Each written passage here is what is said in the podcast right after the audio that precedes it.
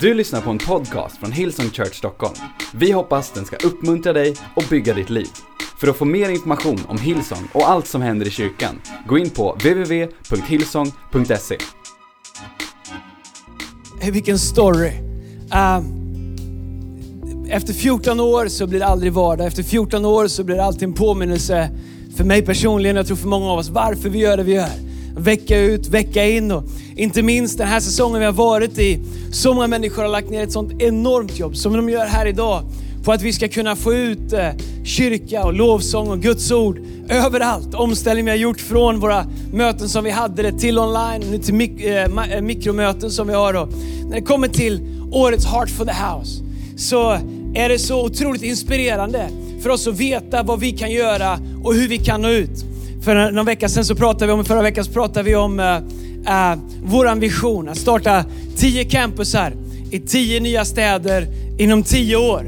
Och en av de sakerna som vi tror vi kommer använda är hela vårt online-arbete online där vi når människor som vi aldrig har nått tidigare. Vet du, faktum är att vi kan redan idag se på Sveriges karta och se vart, vart, vart det finns stora grupper som tittar.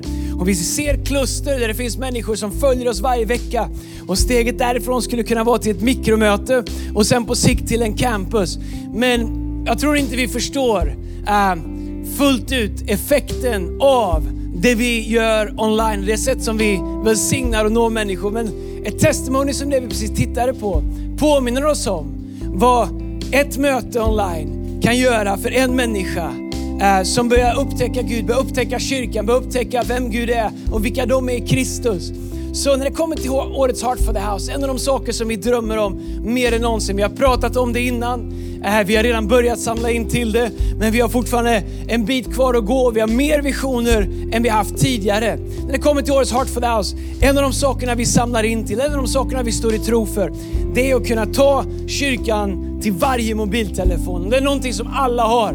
Till och med så här de gamla och de unga, kanske för unga ibland, så är det mobiltelefon en möjlighet att titta på uh, gudstjänst, titta på testimonies, titta på berättelser om vad Gud gör i människors liv. Och till platser där vi aldrig någonsin hade kunnat få ut evangelium tidigare, är det nu möjligt på grund av det som vi bygger upp online. Eh, en sak har vi upptäckt med att göra saker online. Det finns två sätt att göra det. Det ena är att bara göra det och det andra är att göra det bra. Vi tror på att göra det bra och att göra det bra, det kostar. Men att kunna göra det varje vecka, det kräver resurser, det kräver utrustning, det kräver team. Men vi tror att det är en viktig del av vårt mandat och våran kallelse av att nå ut med evangelium. En av de sakerna som jag slogs av när vi tittade på det här vittnesbördet, den här, den här filmen eh, om Mis mamma, det är att hennes första möte med kyrkan var på This is Christmas i Göteborg. När hon flög ner, eller hur hon nu tog sig ner, hälsade på sin dotter i Göteborg och gick på This is Christmas. Det var hennes första kontaktyta med kyrkan, som det är för så många människor. En av de sakerna som vi kommer prata mer om de närmsta veckorna är vad vi drömmer om att göra i dessa tider vad det gäller våra större evenemang. Det var någon som frågade mig, Andreas, vi ställer väl in This is Christmas i år? Det är ungefär som att säga, vi ställer in julen. Den går inte att ställa in eftersom vi firar att Jesus föddes. Och strax efter Jesu födelse så finns This is Christmas som nästan lika eh, traditionellt och heligt. Vi kommer inte ställa in This is Christmas. Vi kommer göra det på ett sätt som vi aldrig har gjort det tidigare. Eftersom vi är en kyrka som tror på new roads and new rivers. Där det tidigare ser stängt ut, där har Gud redan förberett en väg. Så i år kommer vi göra This is Christmas. Vi kommer satsa mer än någonsin. Och online är en viktig del utav det. Kan jag få utmana dig att verkligen be Gud om vad du ska vara med och göra. Jag vet att många i vår kyrka redan har förberett sig och börjat förbereda sig för sitt offer in i Heart for the House. För vad du och din familj, eller du som, som enskild individ, ska vara med och ge. Kollekt tar vi varje vecka. Det hjälper oss att driva verksamheten, det hjälper oss med vårt sociala arbete, det hjälper oss med vårt missionsarbete och olika saker, med vårt ungdomsarbete, kidsarbete och kyrka. Men Heart for the House, det är det vi gör idag för det som vi tror att vi ska kunna göra redan nästa år.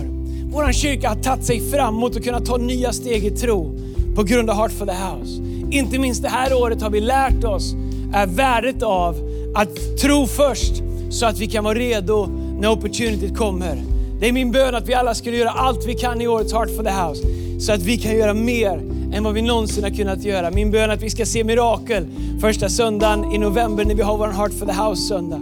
Det var faktiskt någon som frågade mig det också. Eh, Andreas, hur kan vi göra Heart for the House i år? Och jag sa vi ska göra ett Heart for the House och jag har tro för att det ska bli bättre än vad det någonsin har varit. Därför att jag tror att kyrkan har alltid rest upp i utmanande tider och visat vägen framåt, tagit nya kliv in i framtiden. Och jag är övertygad om, om att det är någon kyrka som kan göra det så är det Hillsong. Jag ser fram emot Heart for the House. It's gonna be awesome. Alright, vi ska alldeles strax gå in i, i, i, i första delen på vårt nya tema. Vi har haft ett tema på förmiddagen som heter du är vad du äter. Tack för all uppmuntran, tack för all respons vi har fått. Vi har, vi har eh, förstått att det har varit en stor välsignelse för vår kyrka eh, att köra en serie. Idag börjar vi en ny serie som är tre delar lång som heter The Blessed Life. Det välsignade livet. Jag tror att Gud vill att du ska vara välsignad på livets alla olika områden. Och idag ska vi göra första delen och innan vi dyker in i det, kolla på det här. Bibeln är full av exempel på hur Gud välsignar människor. Det börjar i Första Mosebok 1 och 28 när Gud välsignar de första människorna, Adam och Eva, och genom hela Bibeln kan vi se hur han ger sin välsignelse till Noa, Abraham, Ismael, Isak, Jakob, Josef, Mose, hela Israels folk och alla de som tror på och följer Jesus. Att välsigna någon kan beskrivas som att man önskar någon välgång och lycka. Och eftersom Guds ord alltid skapar det som sägs blir Guds ord av välsignelse alltid en verklighet. Att vara välsignad kan beskrivas som ett tillstånd där Gud ger någon sin favör, sina gåvor och sin glädje.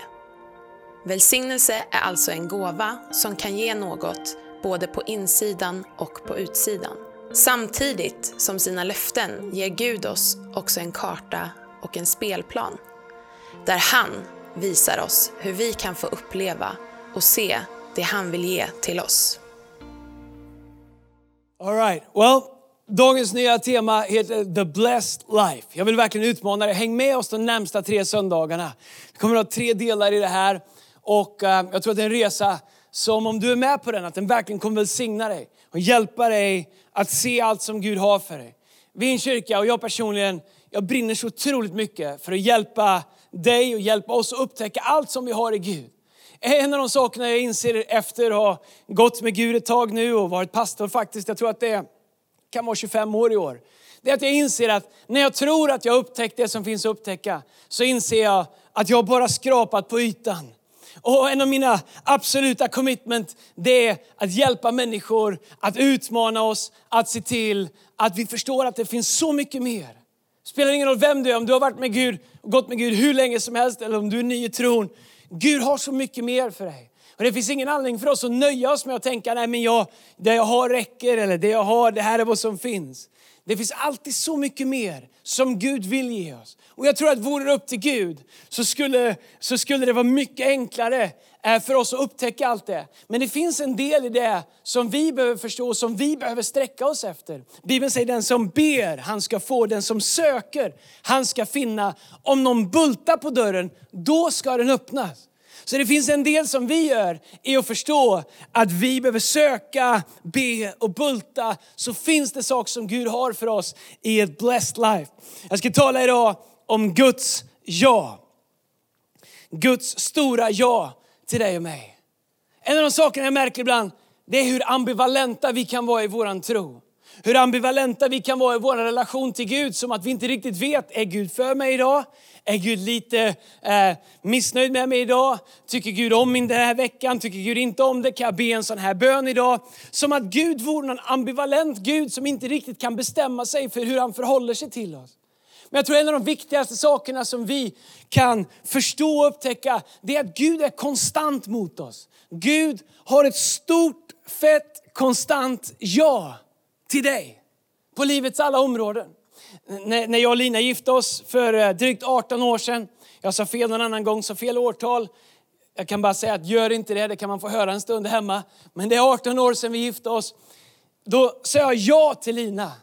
Och tack gode Gud så sa hon ja till mig. Jag kan säga att jag är, jag är ganska snäll och och, go och godtrogen och är med på mycket. Men om Lina hade sagt kanske, det hade påverkat mitt ja. Om Lina hade sagt åh, om jag känner för det. Eller om du är si eller om du är så.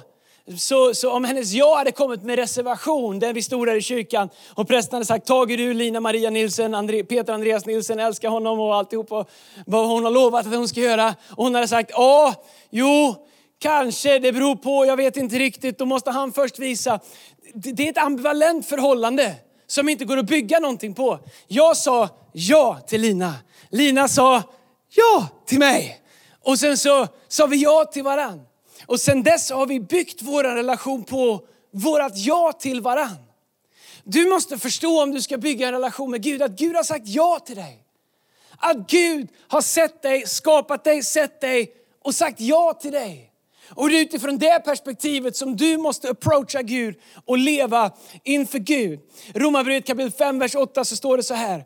Men Gud bevisade hur mycket han älskade oss genom att Kristus dog för oss medan vi fortfarande var syndare. Så Gud han sa ja till mänskligheten. Gud han sa ja till dig innan du hade sagt ja till honom. Gud han, han väntade inte på att vi först skulle säga ja och sen så skulle det visa sig utifrån det om han säger ja. Nej, Gud sa, vet du vad? Jag säger ja. Och säger han, whosoever come, whosoever call on mig, vem som än ber, vem som än kommer till mig. Så han bestämde sig.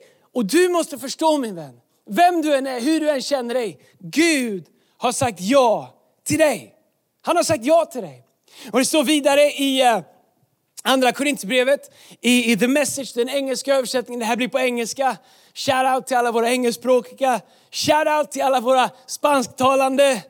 Como estás? Uh, eh, no habla español. Viva Christus. Diego Armando Maradona. Det är ungefär så långt min spanska sträcker sig. Det var argentinska också, eller spanska. I don't know. Sorry, jag ska lära mig mer.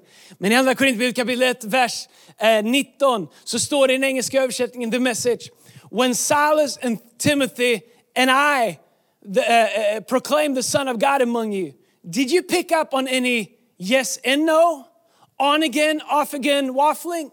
Wasn't it a clean, strong yes? Whatever God has promised gets stamped with a yes of Jesus. In Him, this is what we preach and pray the great Amen.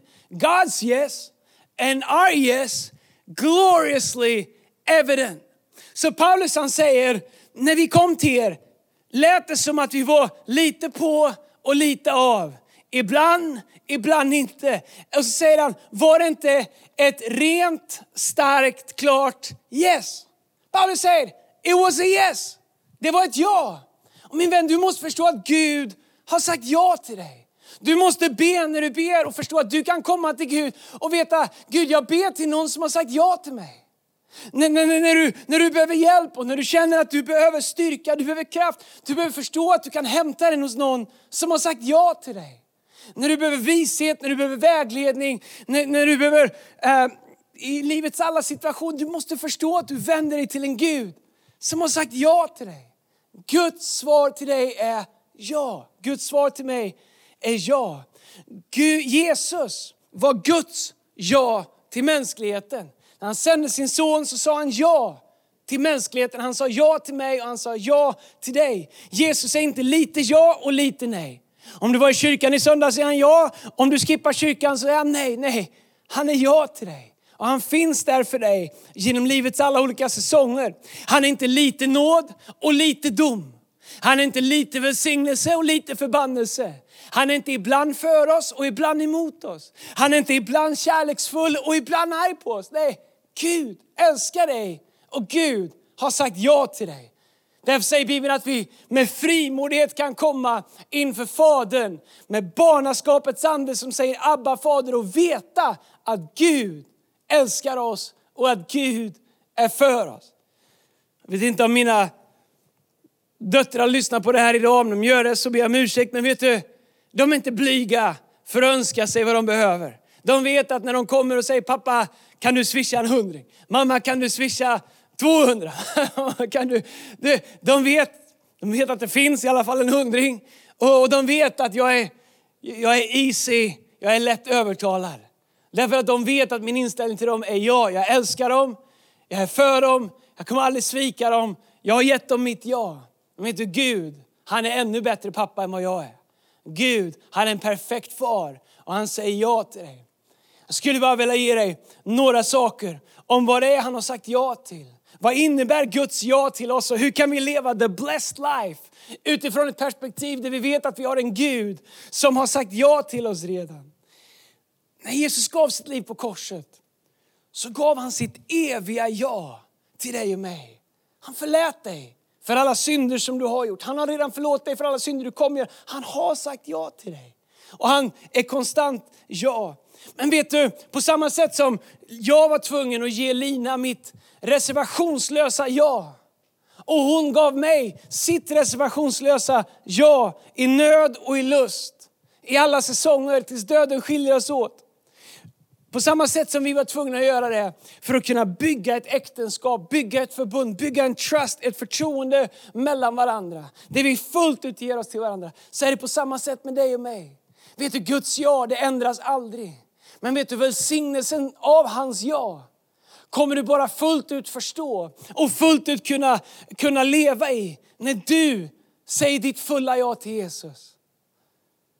När du bestämmer dig för att säga ditt reservationslösa ja till Jesus på samma sätt som han har sagt till dig. När han älskar dig ändå. Men det finns mer än att bara vara älskad av Gud. Det är det största av allt givetvis. Men vet du, det finns mer, Gud har mer för dig än bara förlåtelse för dina synder. Han har också ett välsignat liv som han vill ge till dig. Han har en välsignad tillvaro. Han har ett förbund som han vill sluta med dig. Där du kan få uppleva kraften i hans ja över dig, över ditt liv, över din familj. Men det kommer ifrån att vi på samma sätt som Jesus säger ja till honom, att vi säger ja till Jesus. Så vad är det Jesus lovar oss? Vad är det Bibeln säger att Jesus har förberett för oss och lovat oss när vi ger honom vårat ja? På samma sätt som han har gett sitt ja till oss. Eh, jag valde fyra saker, jag kunde ha gett dig 400 saker.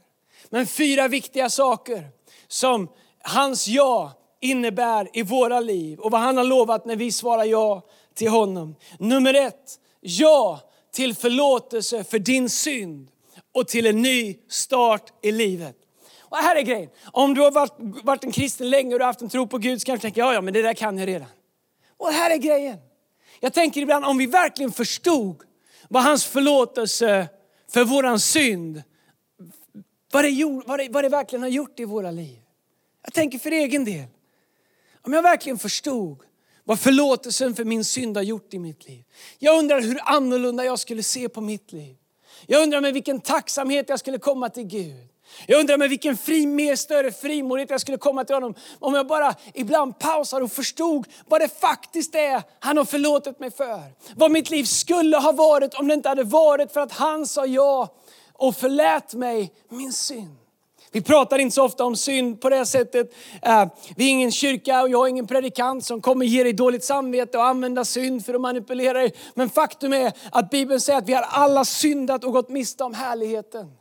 Men Kristus gav sitt liv för var och en av oss. Och här är vad Bibeln säger i första Johannes kapitel 1, vers 9. Så står det så här, om vi bekänner våra synder, vad är synder? Är det att du svor när du gick i trean eller att du har kört för fort eller att du provade röka en gång när du var tonåring? Well, det kanske inte är well, svära men det mesta är bara dumt.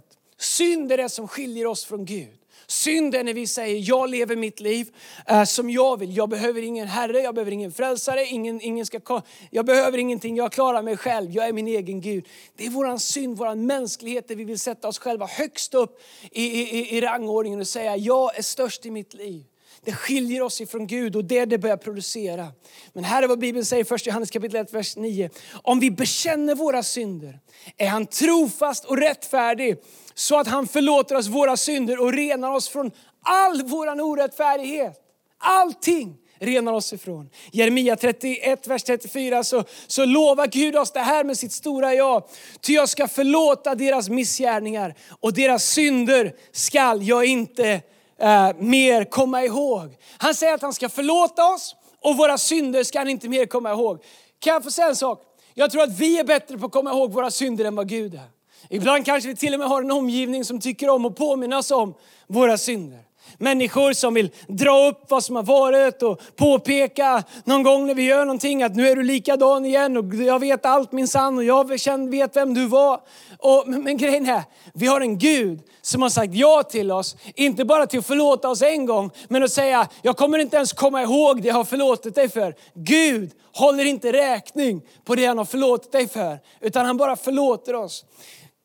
När vi säger ja till Jesus så säger han ja till förlåtelse för våran synd och till en ny start i livet som vi får fortsätta att leva i. När vi säger ja till Jesus så ger han oss sitt ja. Och han säger ja till helande och till nytt liv. I Malaki kapitel 4, vers 2 så står det så här. Men för er som fruktar mitt namn, jag älskar det här bibelordet. Men för er som fruktar mitt namn ska rättfärdighetens sol gå upp med läkedom under sina vingar. Då ska ni komma ut och hoppa likt kalvar som släpps ur sitt bås. Come on, den är för alla i Falköping som är med oss idag. ni vet vad jag menar. Men för er som fruktar mitt namn, för oss som älskar Herren, så ska rättfärdighetens sol gå upp med läkedom under sina vingar. Vet du hur, hur ofta den går upp? Den går upp hela tiden. Den solen är ständigt på väg upp. Gud är konstant. Guds sol, rättfärdighetens sol, går ständigt upp över ditt liv med läkedom under sina vingar. Tänk att solen går upp på morgonen och på samma sätt som solen går upp så är det som att Gud breder ut sina vingar över dig med läkedom. Och det är konstant över ditt liv. Bibeln säger att när vi förstår det att Gud breder ut sina vingar över oss. Att vi kan leva i Guds löften, att vi kan leva i hans helande, leva i hans läkedom vad det gäller vårt inre liv, vad det gäller vårt förflutna, vad det gäller vår fysiska kropp, vad det gäller vår mentala hälsa, vad det gäller våra relationer så kan vi leva i Guds helande och i Guds helhet. Så säger vi om vi förstod det, står det så här, då ska ni komma ut och hoppa likt kalvar som släpps ur sitt bås. Har du varit på ett bra kosläpp någon gång? Alla behöver vara på ett bra kosläpp någon gång i livet. Jag har varit på några bra kosläpp. Det är kossor som har stått inne hela vintern. Helt plötsligt så när det är vår så öppnar man dörren. Och de här stackars kossorna som har stått instängda, som knappt kan gå med juver. Jag ska inte måla bilden för mycket. De kommer ut och de får se gräs. Och de här gamla kossorna som knappt kan gå, det spritter till i dem. Det är lite som den där sången, han tog av sig sin kavaj. Okej, okay, sorry. Det är söndag, söndag förmiddag, lite för tidigt kanske för sådana sånger. Men här är grejen. Kossorna kommer ut, det spritter i benen och de börjar dansa och de börjar hoppa. De gör inte någonsin, de gör det många, ofta bara den dagen när de får komma ut de första metrarna. Sen kommer de på att de är gamla kossor som inte kan springa. Men glädjen tar överhand och så springer de ut och hoppar ut. Det kallas för ett kosläpp. Men Jag undrar ibland om vi verkligen förstod vad vi har i Kristus. Att rättfärdighetens sol går upp med läkedom under sina vingar över vårt liv hela tiden. Kanske vi skulle ha lite kosläpp på morgonen, när vi vaknar på morgonen, när vi kommer till jobbet. De frågar, vad, vad hoppar du för? Jag är som en kalv förstår du, som jag har lite kosläpp idag på morgonen. För jag påminner mig själv när jag åkte till jobbet, jag tog upp min bibel, jag läste ur U-versen eller jag lyssnade på en lovsång och jag påminde mig själv om att Gud har sagt ja till att jag kan leva i helande och i ett nytt liv. Så jag har lite kosläpp här på morgonen, jag påminner mig själv och jag glädjer mig själv i Herren över det löfte som jag har fått i honom. Det tredje som Gud har lovat oss. Sorry om det blir någon extra minut här idag, det klarar ni. Jesus han var här i 30 år innan han började predika. Så, så ge mig någon extra minut här idag. Det tredje som Gud har lovat om vi säger ja till Jesus. Det är att vi får Guds ja till att förädla, forma och ta fram guldet inom dig. Vet du vad jag tror? Jag tror att när vi föds så föds vi in i den här världen som Gud har tänkt. Bibeln säger i psalm 139 att Gud formar oss i vår mammas mage. Du är född med potential, född med talanger, född med gåvor, född med skönhet, född med briljans. Gud har, Gud har lagt allt det där i dig. Han har format dig exakt så som det är tänkt att du ska vara. Men livet har en förmåga att lägga på oss massa saker. På samma sätt som man får hacka ibland och, och, och hålla på med kol för att få fram diamanten inuti.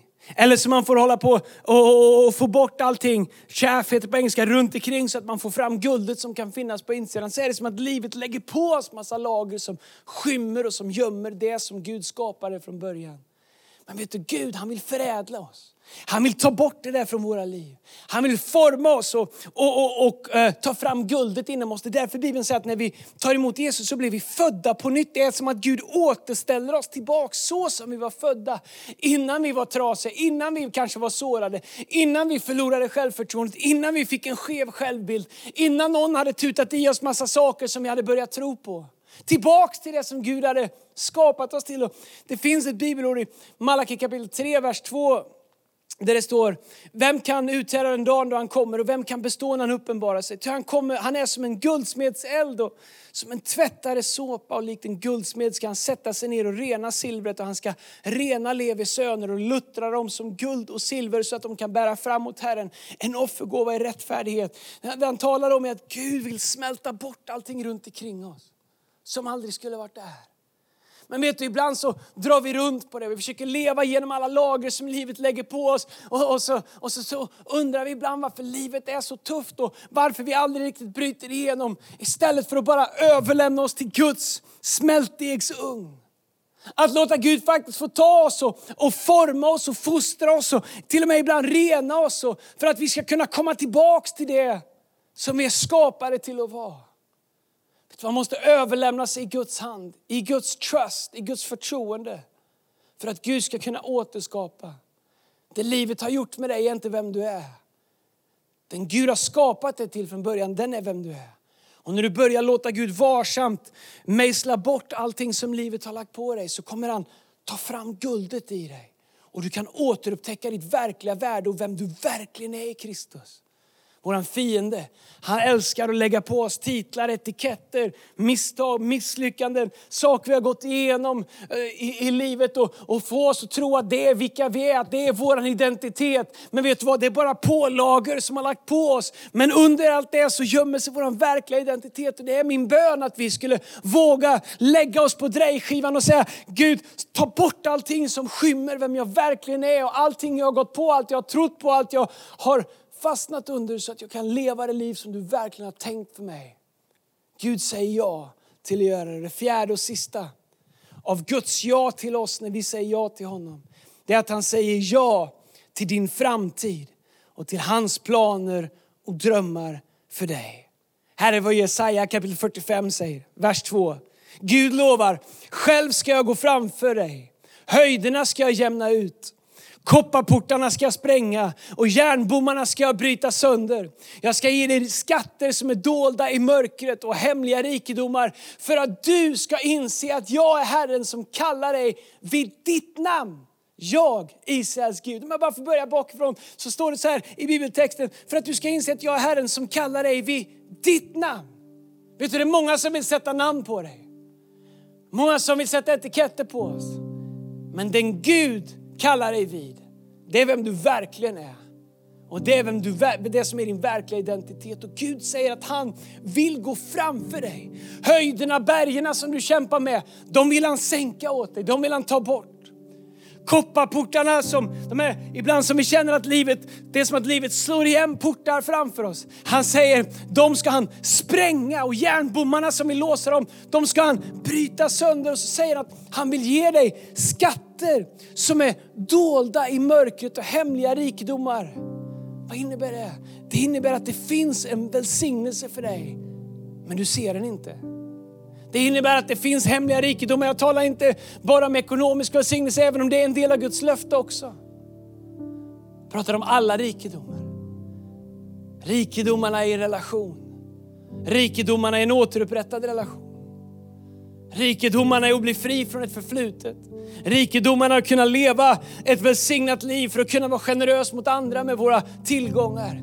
Gud inte bara säger att han kan göra det, han säger jag skall ge dig skatter som är dolda i mörkret och hemliga rikedomar. Varför vill han göra det? För att du ska inse att jag är Herren som har kallat dig vid ditt namn. Jag, Israels Gud. Gud har en plan för dig. Och Gud han säger ja till din framtid. Gud han säger ja till de drömmar han har lagt där i, i ditt hjärta. Och Gud han säger ja till att ge dig resurserna för att leva det liv som du är kallad till. Gud har inte lockat dig in i en relation där han leker katt och råtta med dig och, vill försöka få dig och, liksom bara eh, följa utifrån skuld eller skam. Eller. Han vill inte ute efter att sätta dig på plats. Han börjar med att öppna sina armar och säga, vet du, du känner inte mig än men jag, jag säger ja till dig. Jag kommer stå här och säga ja tills du förstår att jag älskar dig och du ger mig ditt ja. Men vet du, vårat ja som vi ger till Gud, det är inte bara en engångsföreteelse. Vårat ja till Gud, det är någonting som vi måste leva i pågående. Du och jag måste varje dag säga ja till Gud. Du och jag måste varje dag titta på alla områden i våra liv och, och titta på våra liv om vi vill leva ett välsignat liv och, och ställa oss frågan, vilka delar av mitt liv säger inte längre ja till Gud? Vet du, Gud kan bara välsigna där vi säger ja. Gud kan bara välsigna de områdena i våra liv där vi säger ja.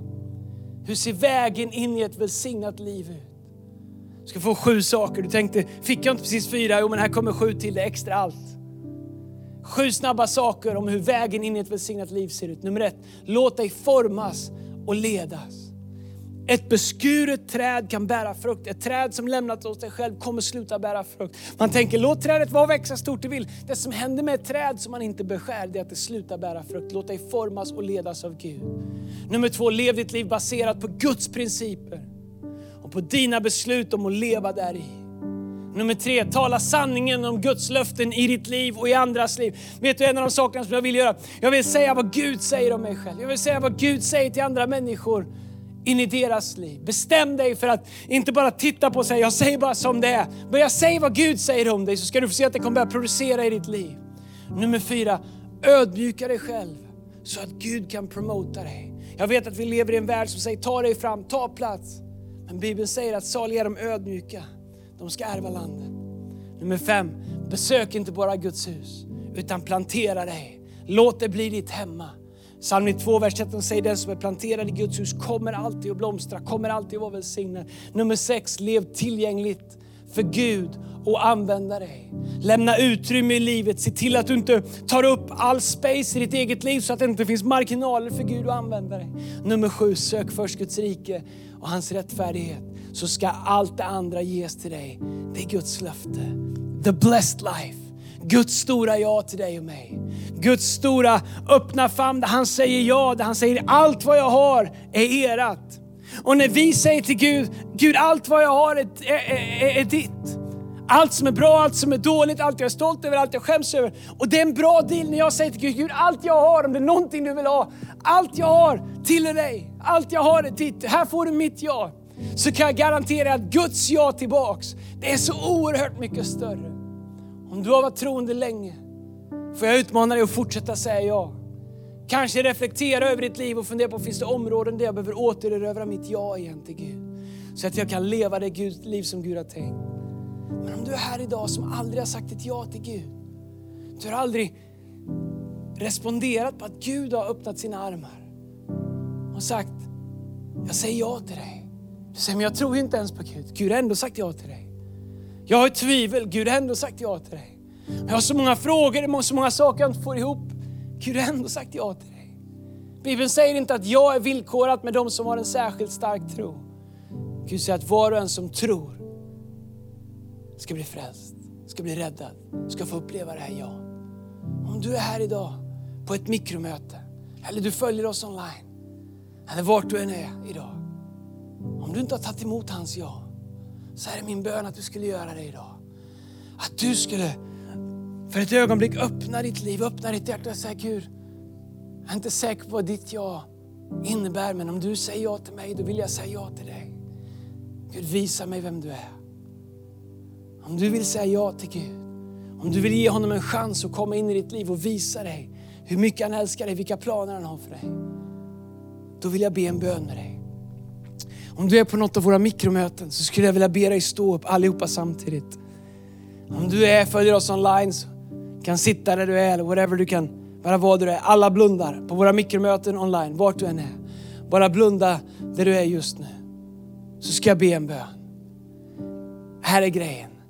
Det är inte vad du ber som avgör det är vad du menar i hjärtat. Du kanske inte är van att be, men du kan ändå be den här bönen. Om du i ditt hjärta säger Gud, jag vill lära känna dig. Gud, jag vill få en relation med dig. Gud, jag vill säga ja till dig. Då räcker det för att säga ja till honom. Om du säger Andreas, när du ber, inkludera mig. Jag vill säga ja till Gud för första gången. Då vill jag att du alldeles strax lyfter upp en hand, inte än, jag kommer räkna till tre.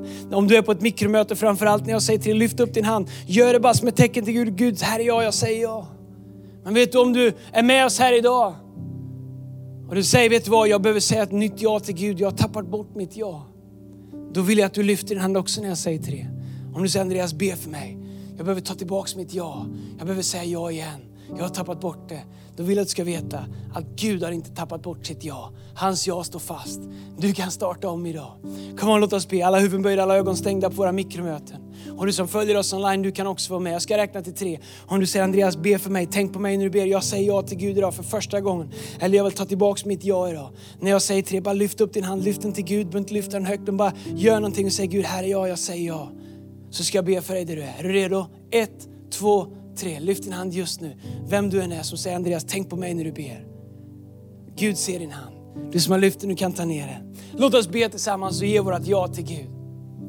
Be den här bönen efter mig. Tack Jesus. Tack Jesus För att du älskar mig. för att du älskar mig. Jag öppnar mitt hjärta Jag öppnar mitt hjärta och jag tar emot din kärlek. tar emot din kärlek. Tack att du förlåter min synd Tack att du förlåter min och ger mig nytt liv. Ge mig nytt liv. Jesus, Jesus, tack att från och med idag från och med idag är jag din.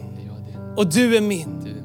Tack Jesus Tack Jesus. att ingenting Ingenting kan skilja mig ifrån din från kärlek. din kärlek. Amen. Amen, amen, amen. Du har lyssnat till en podcast från Hillsong Church Stockholm. Om du vill veta mer om vår kyrka eller om våra söndagsmöten, surfa in på www.hillsong.se.